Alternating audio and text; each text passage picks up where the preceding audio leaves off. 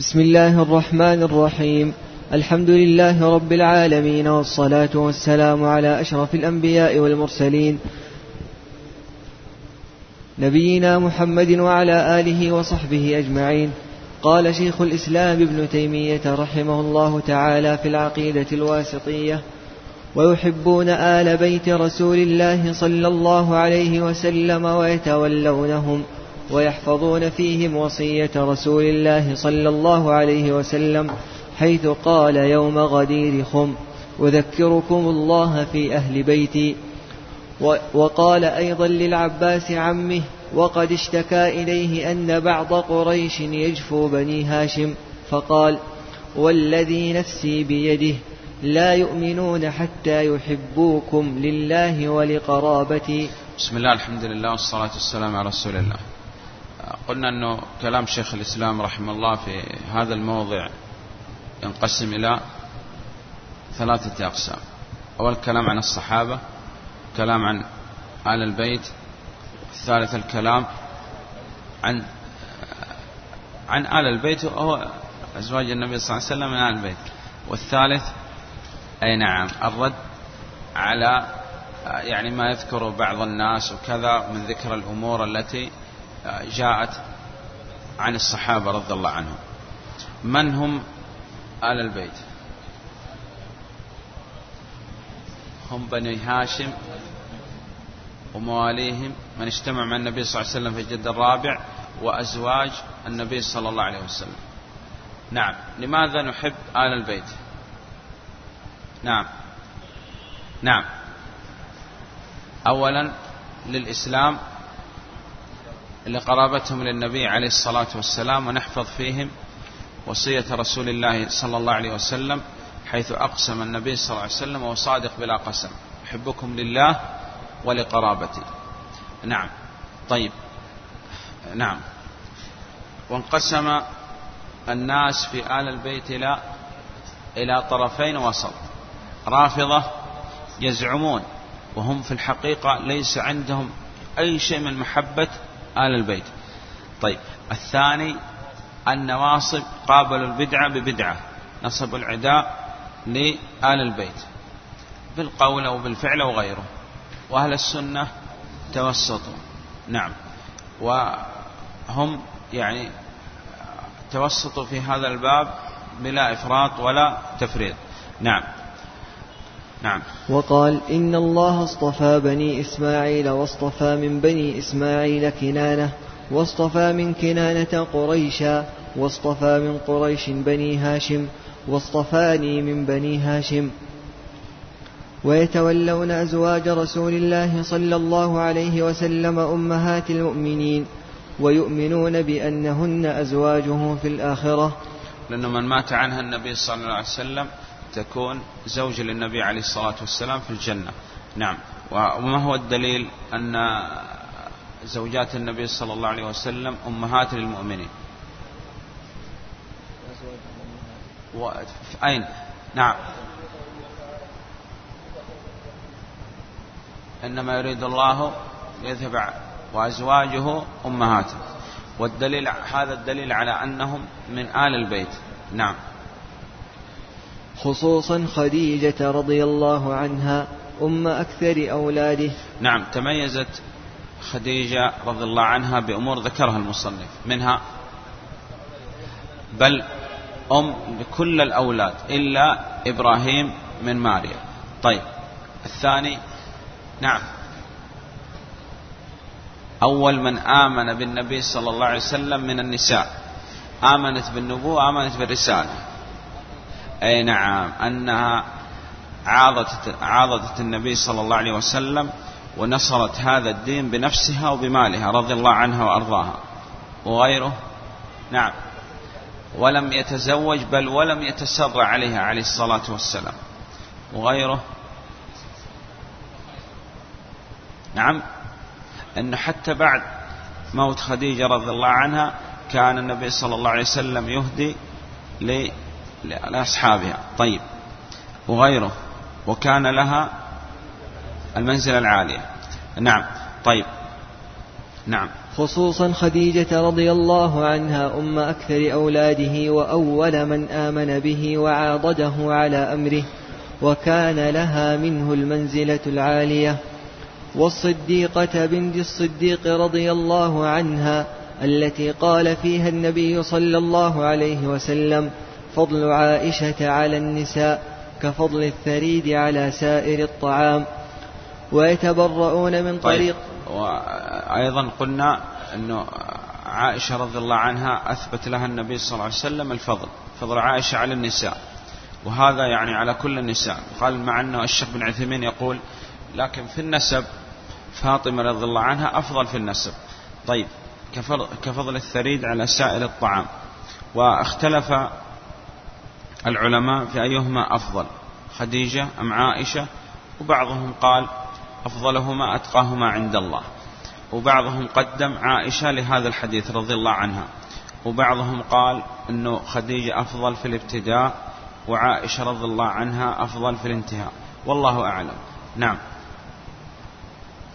ويتبرؤون من طريقة الروافض الذين يبغضون الصحابة ويسبونهم. وطريقة النواصب الذين يؤذون أهل البيت بقول أو عمل. قال المصنف رحمه الله تعالى ويمسكون عما شجر بين الصحابة. بسم الله والحمد لله والصلاة والسلام على رسول الله.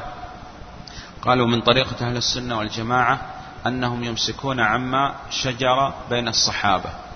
وهذا الأمر واجب. وقال الشيخ بن عثيمين رحمه الله بل يحرم مطالعة هذه الأمور التي تؤدي إلى أن يكون في القلب شيء من الحقد أو الشحناء أو بغض الصحابة. والأصل أن نقرأ في الكتب التي ذكرت فضائل الصحابة رضي الله عنهم ولا نقرأ في هذه الكتب إلا للضرورة. حتى وإن كان هذا بالنسبة لكتاب كتب مثلا الأئمة كابن كثير وغيرهم. نعم. قال يمسكون عما شجر. نعم. يعني من الفتنة. ما حدث من الفتنة من معركة الجمل وغيره. نعم. ويقولون إن هذه الآثار المروية في مساويهم. الآن بدأ يذكر يعني الرد على من يأتي بهذه الأمور التي كانت فيها شيء فيه كلام على الصحابة. نعم. قال إما نعم. ويقولون إن هذه الآثار المروية في مساويهم منها ما هو كذب. وإذا كان كذب هذا معناه أنه مردود. نعم طيب. ومنها ما قد زيد فيه ونقص. منها ما زيد فيه يعني يزاد فيه شيء وهذا الشيء الزائد هو الذي يقلب هذا الأمر. أو قال هناك أشياء لم تنقل يعني أرادوا إسقاط بعض الكلمات حتى يتضح الأمر أنه نقص وهو في الحقيقة كمال. نعم. ومنها ما قد زيد فيه ونقص وغير عن وجهه. يعني غير عن وجهه الذي أراد الله سبحانه وتعالى به. نعم. والصحيح منه انتهى الآن. انتهى من القسم الأول. في الرد أنه يريد أن يبين لك أن الآثار التي جاءت عن الصحابة مردودة. هنا هذه. فانتهى وبين لك أنها مردودة لأنها ضعيفة مكذوبة عليهم لأن هناك أناس يكذب عن الصحابة منهم الرافضة. أو زادوا عليها أشياء أو نقصوا أو غيروا عما جاءت عليه. وهذا فيه التحذير من يعني القراءة في هذه الكتب. ويعني لو تنظر في كتب السلف كابن القيم أو شيخ الإسلام مثلا تجد أن يعني إذا وردت قصة وكذا عن الصحابة وكان يعني فيها نوع يعني شيء حتى لو قليل تجده يعالج هذا الأمر على ما كان عليه أهل السنة والجماعة. مثال قال ابن القيم رحمه الله يعني في الزاد زاد المعاد. أراد أن يذكر قصة الحديبية أن النبي صلى الله عليه وسلم أمر الصحابة رضي الله عنهم بالحلق والنحر فما تحرك أحد. أراد ابن القيم أن يحكي هذه الواقعة وهذا فيها شيء على الصحابة رضي الله عنهم. لكن تكلم بكلام تدل على أن القراءة في كتب السلف تثمر محبة السلف الصالح ولا يقع في قلبك شيء كما إذا قرأت في كتب بعض المتأخرين. تجد يعني يتكلم بكلام ما يمكن يقال في حق مسلم فضلا يقال في حق الصحابة رضي الله عنهم. قال هذا قال ابن القيم رحمه الله هذا الفعل منهم رضي الله عنهم من المغفور للمشكور. تكلم بك لو يعني تتعب الله أعلم حياتك كاملة ما تجد مثل هذا الكلام. يقول رضي الله عنهم قدم الرضا. والمغفور قال غفر الله لهم ولا نستطيع أن نتكلم بشيء. للمشكور لأنه في هذا الأمر قال أنه النبي صلى الله عليه وسلم رد عليه. صحيح؟ نعم. والله أعلم. نعم. والصحيح منه هم فيه معذورون. الصحيح يقول فيما ينتقد على الصحابة ضعيف انتهينا منه أو زيد أو نقص أو غير عن وجهه. قال الصحيح هم فيه معذورون. لماذا معذورون؟ نعم هو سوف يذكر لك الآن. نعم. إما مجتهدون مصيبون. المجتهد ليس كل مجتهد مصيب إنما لكل مجتهد نصيب. إذا أصاب له أجران إذا له نصيب على التعب ونصيب على نشر الحق. وإن أخطأ قال الأصل أن يكون عليه أجر عليه وزر وله أجر. لكن هذا وزر مغفور لأنه بغير قصد. صحيح؟ نعم. إذا لا يصح أن تقول كل مجتهد مصيب. يصح أن تقول لكل مجتهد نصيب. نعم. طيب. قال إذا اجتهد وهذا دل عليه الكتاب والسنة. أنه إذا اجتهد فله أصاب له أجران. وإن أخطأ فله أجر واحد. نعم. قال والصحيح منه هم فيه معذورون إما مجتهدون مصيبون وإما مجتهدون مخطئون. نعم. وهم مع ذلك. لا انتهى. انتهى الآن وبدأ يعني أمر جديد. يقول هذا في الأمور الاجتهادية. لكن هل الصحابة هم هل ندعي هل يدعي أهل السنة أن الصحابة معصومين من الوقوع في الكبائر والصغائر؟ قال لا ليسوا بمعصومين. والمعصوم من عصم الله سبحانه وتعالى. لكن يقول انتهى هو من الأمور التي اجتهدوا فيها. يبقى الأمور التي هم فيها وقعوا في نوع من المعاصي. هل تقع منهم المعاصي في الجملة؟ قال نعم تقع منهم المعاصي في الجملة. لكن هم أبعد الناس أولا عن المعاصي والذنوب. صحيح؟ نعم. ثم هذه الذنوب إن وقعت يقول فهي نزر قليل جدا. النزر هذا قال الشيء يسير لا يكاد أن يذكر مغمور في بحر حسنات القوم. نعم. طيب هو سوف يذكر هذا الكلام. نعم في الذنوب المحققة. نعم. وهم مع ذلك لا يعتقدون أن كل واحد من الصحابة معصوم عن كبائر الإثم وصغائره. نعم. ليس بمعصومين عن الكبائر. نعم. وهم مع ذلك لا يعتقدون أن كل واحد من الصحابة معصوم عن كبائر الإثم وصغائره بل يجوز عليهم الذنوب في الجملة. بل يجوز عليهم الذنوب في الجملة. نعم. بل يجوز عليهم الذنوب في الجملة ولهم من السوابق والفضائل ما يوجب مغفرة ما يصدر منهم إن صدر. يقول إن صدر يعني هذا في الذنوب المحققة أن لهم من السوابق سابقتهم للإسلام ولهم من الفضائل. نعم. طيب. ولهم أسعد الناس بشفاعة النبي صلى الله عليه وسلم. ولهم أن يكون تاب ومن تاب من الذنب فكما لا ذنب له. ولهم أيضا أن دعاء الناس لهم وأن ندعو دائما للصحابة رضي الله عنهم. أو يكون يقول ابتلي ببلاء كفر عنه بهذا الذنب؟ نعم. طيب. أو أتى بحسنات تمحو السيئات. إن الحسنات إن الحسنات يذهبن السيئات. نعم. هذه أمور كلها يقول في الذنوب المحققة. أنه يغفر لهم ما لا يغفر لغيرهم. فكيف بأمور هم اجتهدوا فيها؟ ومن اجتهد فله أجران ومن أخطأ فله أجر واحد. نعم. حتى إنه يغفر لهم من السيئات ما لا يغفر لمن بعدهم. حتى إنه يغفر لهم. قال أن الله سبحانه وتعالى اطلع على أهل بدر قال اعملوا ما شئتم فقد غفرت لكم. إذا يغفر لهم ما لا يغفر لغيرهم. نعم.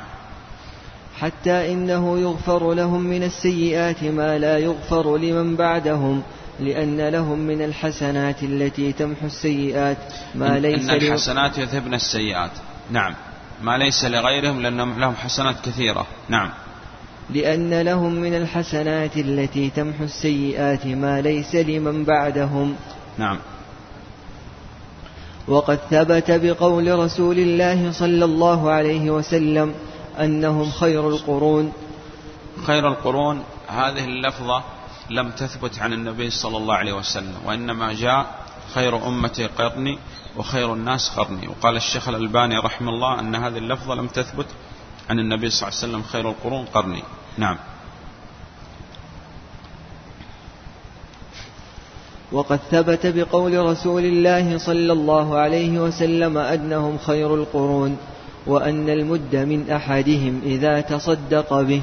كان أفضل من جبل أحد ذهبا ممن بعدهم. إذا تتضاعف لهم الحسنات ما لا تتضاعف لغيرهم. نعم. ثم إذا كان قد صدر من أحدهم ذنب فيكون قد تاب منه. ومن والتائب من الذنب كمن لا ذنب له.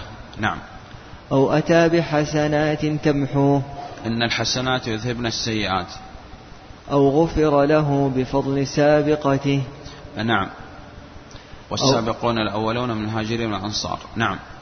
أو بشفاعة محمد صلى الله عليه وسلم. نعم. هم أسعد الناس بشفاعة عليه الصلاة والسلام. الذي هم أحق الناس بشفاعته. نعم.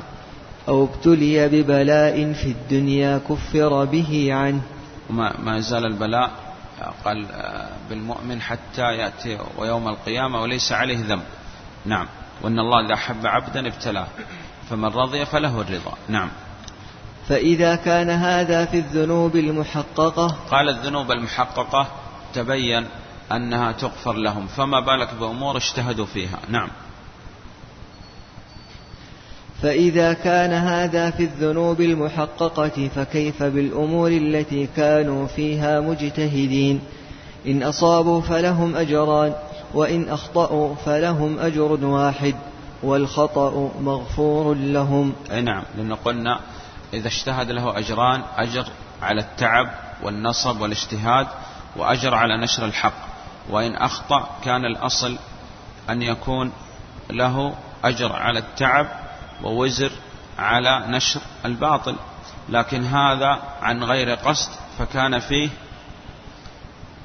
فيه إيش؟ مغفور له هذا لأنه بغير قصد. نعم. ثم إن القدر الذي ينكر من فعل بعضهم. ثم قال القدر هذا الذي ينكر عليهم يعني من بعض من يخالف أهل السنة والجماعة نزر يعني قليل جدا لا يكاد يذكر مغمور في حسنات القوم. نعم. ثم إن القدر الذي ينكر من فعل بعضهم قليل نزر مغمور في جنب فضائل القوم ومحاسنهم. نعم. من الإيمان بالله ورسوله والجهاد في سبيله لأنهم والهجرة. رضي الله عنهم حققوا الإيمان بالله سبحانه وتعالى وحققوا الجهاد في سبيل الله ونصرة هذا الدين ونصرة النبي عليه الصلاة والسلام. نعم. والهجرة والنصرة والعلم النافع والعمل الصالح. نعم. ومن نظر في سيرة القوم بعلم وبصيرة. يعني قال يعني من ينظر في سيرة هؤلاء القوم الصحابة رضي الله عنهم بعلم وبصيرة. تبين له أنه لا كان ولا يكون في الخلق مثل هؤلاء بعد الأنبياء والرسل عليهم الصلاة والسلام لأنهم صفوة القرون بعد الأنبياء والرسل عليهم الصلاة والسلام. نعم. ومن نظر في سيرة القوم بعلم وبصيرة وما من الله عليهم به من الفضائل علم يقينا أنهم خير الخلق بعد الأنبياء لا كان ولا يكون مثلهم وأنهم الصفوة من قرون هذه الأمة التي هي خير الأمم وأكرمها على الله. وهذا تقدم معنا في قول الشعبي رحمه الله أنه قال لو سألت اليهود ولو سألت النصارى ثم بعد هذا قال ولو سألت الروافض من شر أصحابكم لقال أصحاب محمد عليه الصلاة والسلام. نعم. فصل. ومن أصول أهل السنة التصديق بكرامات الأولياء وما يجري الله على أيديهم من خوارق العادات في أنواع العلوم والمكاشفات وأنواع القدرة والتأثيرات كالمأثور عن سالف الأمم في سورة الكهف وغيرها وعن صدر هذه الأمة من الصحابة والتابعين وسائر فرق الأمة. وهي موجودة فيها إلى يوم القيامة. ومن أصول أهل السنة التصديق بكرامات الأولياء. من أصول أهل السنة والجماعة التصديق بكرامات الأولياء. تقدم معنا في كتاب التوحيد أن خوارق العادات أربعة يعني أشياء تأتي على خلاف العادة والطبيعة. مثاله قال إنسان يمشي على سطح الماء برجليه يطير في الهواء بيديه. صحيح؟ يأكل يأكل الجمر النار مثلا. طيب. قال خوارق العادات أربعة. آية تكون للأنبياء والرسل عليهم الصلاة والسلام وقلنا الأصل أن نقول عنها آية ولا نقول عنها معجزة لأنه قد يعجز عنها بعض الناس وتكون للكذابين وللسحرة وكذا. طيب. قال وهذا هو الذي جاء في القرآن والسنة. إذا آية وهذه الآيات انتهت بموت النبي صلى الله عليه وسلم ولا يمكن يلتبس علينا اليوم أنه أحد يكون عنده آية لأنه كل من ادعى النبوة والرسالة بعد موته عليه الصلاة والسلام فهو كاذب وكافر. إذا الآية انتهت بموت النبي صلى الله عليه وسلم. مع أنه آية النبي صلى الله عليه وسلم الخالدة والباقية هي القرآن وما يمكن أحد يدعي أنه نزل, نزل عليه القرآن بل نزل على النبي صلى الله عليه وسلم يدعي غير هذا كافر. انتهينا إذا من الآية. إذا ما تلتبس على أحد. طيب الثاني كرامة وتكون لأولياء الرحمن والثالث معجزة وفتنة يعني يعجز عنها بعض الناس وتكون نسأل الله السلامة والعافية استدراج وفتنة. قال هذه تكون للدجالين والسحرة وتكون للأعور الدجال. الرابع فضيحة. ما هو الفرق بين قد يقول أنه تلتبس على بعض الناس الفرق بين الكرامة والمعجزة والفتنة. قال لا تلتبس بإذن الله ويمكن أن نفرق بينهما بأمور. الأول حال الرجل أن هذا من أولياء الله وهذا من أولياء الشيطان. من هم أولياء الله؟ من كان مؤمنا تقيا كان لله وليا. وكان قال يزني ويسرق ويشرب الخمور وينام بين القبور ولا يتطهر من بوله ولا يصلي وكذا هذا من أولياء الشيطان. إذا حال الرجل أولا. الثاني هذه تأتي تأييدا له على طاعة الله. وهذا نسأل الله السلام والعافية تأتي له استدراج وفتنة. هذه الكرامة تأتي لأولياء الرحمن بغير قصد. وهذه تأتي بقصد لأنه يتقصدها. نعم. هذا هذه الكرامة تكون هي في الحقيقة آية للنبي الذي يتبع هذا الولي. وهذا في الحقيقة يقول ليس عنده أصلا اتباع بل هو عنده خرافات وضلالات وتلبيس على على الخلق. نعم بهذا يقول يزول الإشكال. يبقى معنا الرابع الفضيحة قال تكون خارقة للعادة. كيف تكون؟ قال أنه النبي صلى الله عليه وسلم قال دعا لعلي رضي الله عنه ونفث في عينيه فبرأ كأن لم يكن به وجع. جاء المسيلمة برجل وقد تقرأ أنت على إنسان مريض وقد يبرأ وقد لا يبرأ لكن ينقلب يعني هذا المرض إلى فقد البصر. قال هذا أمر خارق للعادة. فعندما جيء لمسيلمة برجل فيه رمد وكذا وقال ادعو إذا تقول أنك يعني نبي حق وكذا فدعا وبصق ذهب بصر هذا الرجل هذا خارق للعادة. النبي صلى الله عليه وسلم كان هناك بئر فيها ماء قليل فالصحابة طلبوا من النبي صلى الله عليه وسلم أن يدعو أن الله سبحانه وتعالى يبارك في هذا الماء القليل فدعا عليه الصلاة والسلام وبصق وإذا بالماء يزيد. هذه آية من آيات النبوة له عليه الصلاة والسلام. مسيلمة طلب منه أيضا هناك بئر فيها ماء قليل وقال ادعو أن يبارك الله سبحانه وتعالى في هذا الماء. فدعا وبصق وإذا بالماء كله يذهب ولم يبقى في هذا بل جف هذا البئر. هذا قال نسأل الله السلامة العافية فضيحة. وكل من كذب على الله سبحانه وتعالى قال الله سبحانه وتعالى يفضح في الدنيا قبل الآخرة. نعم. فلا بد على العبد أن يتقي الله سبحانه وتعالى وأن يصدق. قال أن تصدق الله يصدقك نعم. طيب. هل قلنا هذه الكرامات موجودة في هذه الأمة إلى قيام الساعة. من معتقد أهل السنة والجماعة التصديق بكرامات الأولياء ولا بد أن تفرق بين الآية والكرامة والفتنة والمعجزة والفضيحة. بل بعض العلماء يقول ما من آية لنبي من الأنبياء عليهم الصلاة والسلام إلا وللنبي صلى الله عليه وسلم بل ولأتباع من بعده منها حظ ونصيب. كل آية من آيات الأنبياء والرسل يقول للنبي صلى الله عليه وسلم منها حظ ونصيب بل ولأتباعه من بعده. يقول سار موسى عليه الصلاة والسلام معه على البحر. وسار من هذه الأمة على البحر بل بغير تراب. صحيح؟ نعم. أحيا الله سبحانه وتعالى لعيسى بعض الأموات. صحيح؟ نعم. وأحيا الله سبحانه وتعالى لبعض أتباع النبي صلى الله عليه وسلم الفرس كما جاء في قصص وكذا. يقول أن النبي صلى الله عليه وسلم قال لولا دعوة أخي سليمان. لربطت بساري من سوار المسجد. رب هب لي ملكا لا ينبغي لأحد من بعدي.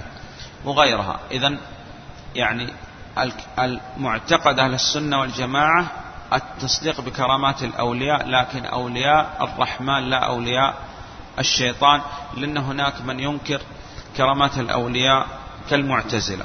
نعم. قال ومن أصول أهل السنة. ومن أصول أهل السنة التصديق بكرامات الأولياء. نعم. وما يجري الله على أيديهم من خوارق العادات. نعم. خوارق العادات قلنا أمر خارق للعادة. نعم. في أنواع العلوم والمكاشفات. العلوم قال آه، مثل ما علم الله سبحانه وتعالى أبي بكر رضي الله عنه عما في بطن زوجه. العلوم مثل ما فتح الله سبحانه وتعالى على شيخ الإسلام أنه كان علوم لم يدرسها شيخ الإسلام وفتح الله سبحانه وتعالى عليه. نعم. والمكاشفات كما كشف لعلي آه، لعمر رضي الله عنه حيث قال على المنبر يا سارية الجبل. نعم. وأنواع القدرة والتأثيرات. أنواع القدرة والتأثيرات مثل ما حصل لمريم وهزي إليك بجذع النخلة تساقط عليك رطبا جنيا نعم.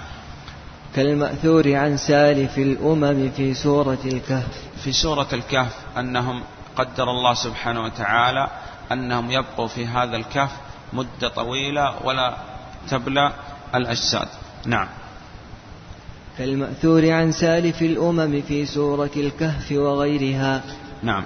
وعن صدر هذه الأمة من الصحابة والتابعين وسائر فرق الأمة. نعم.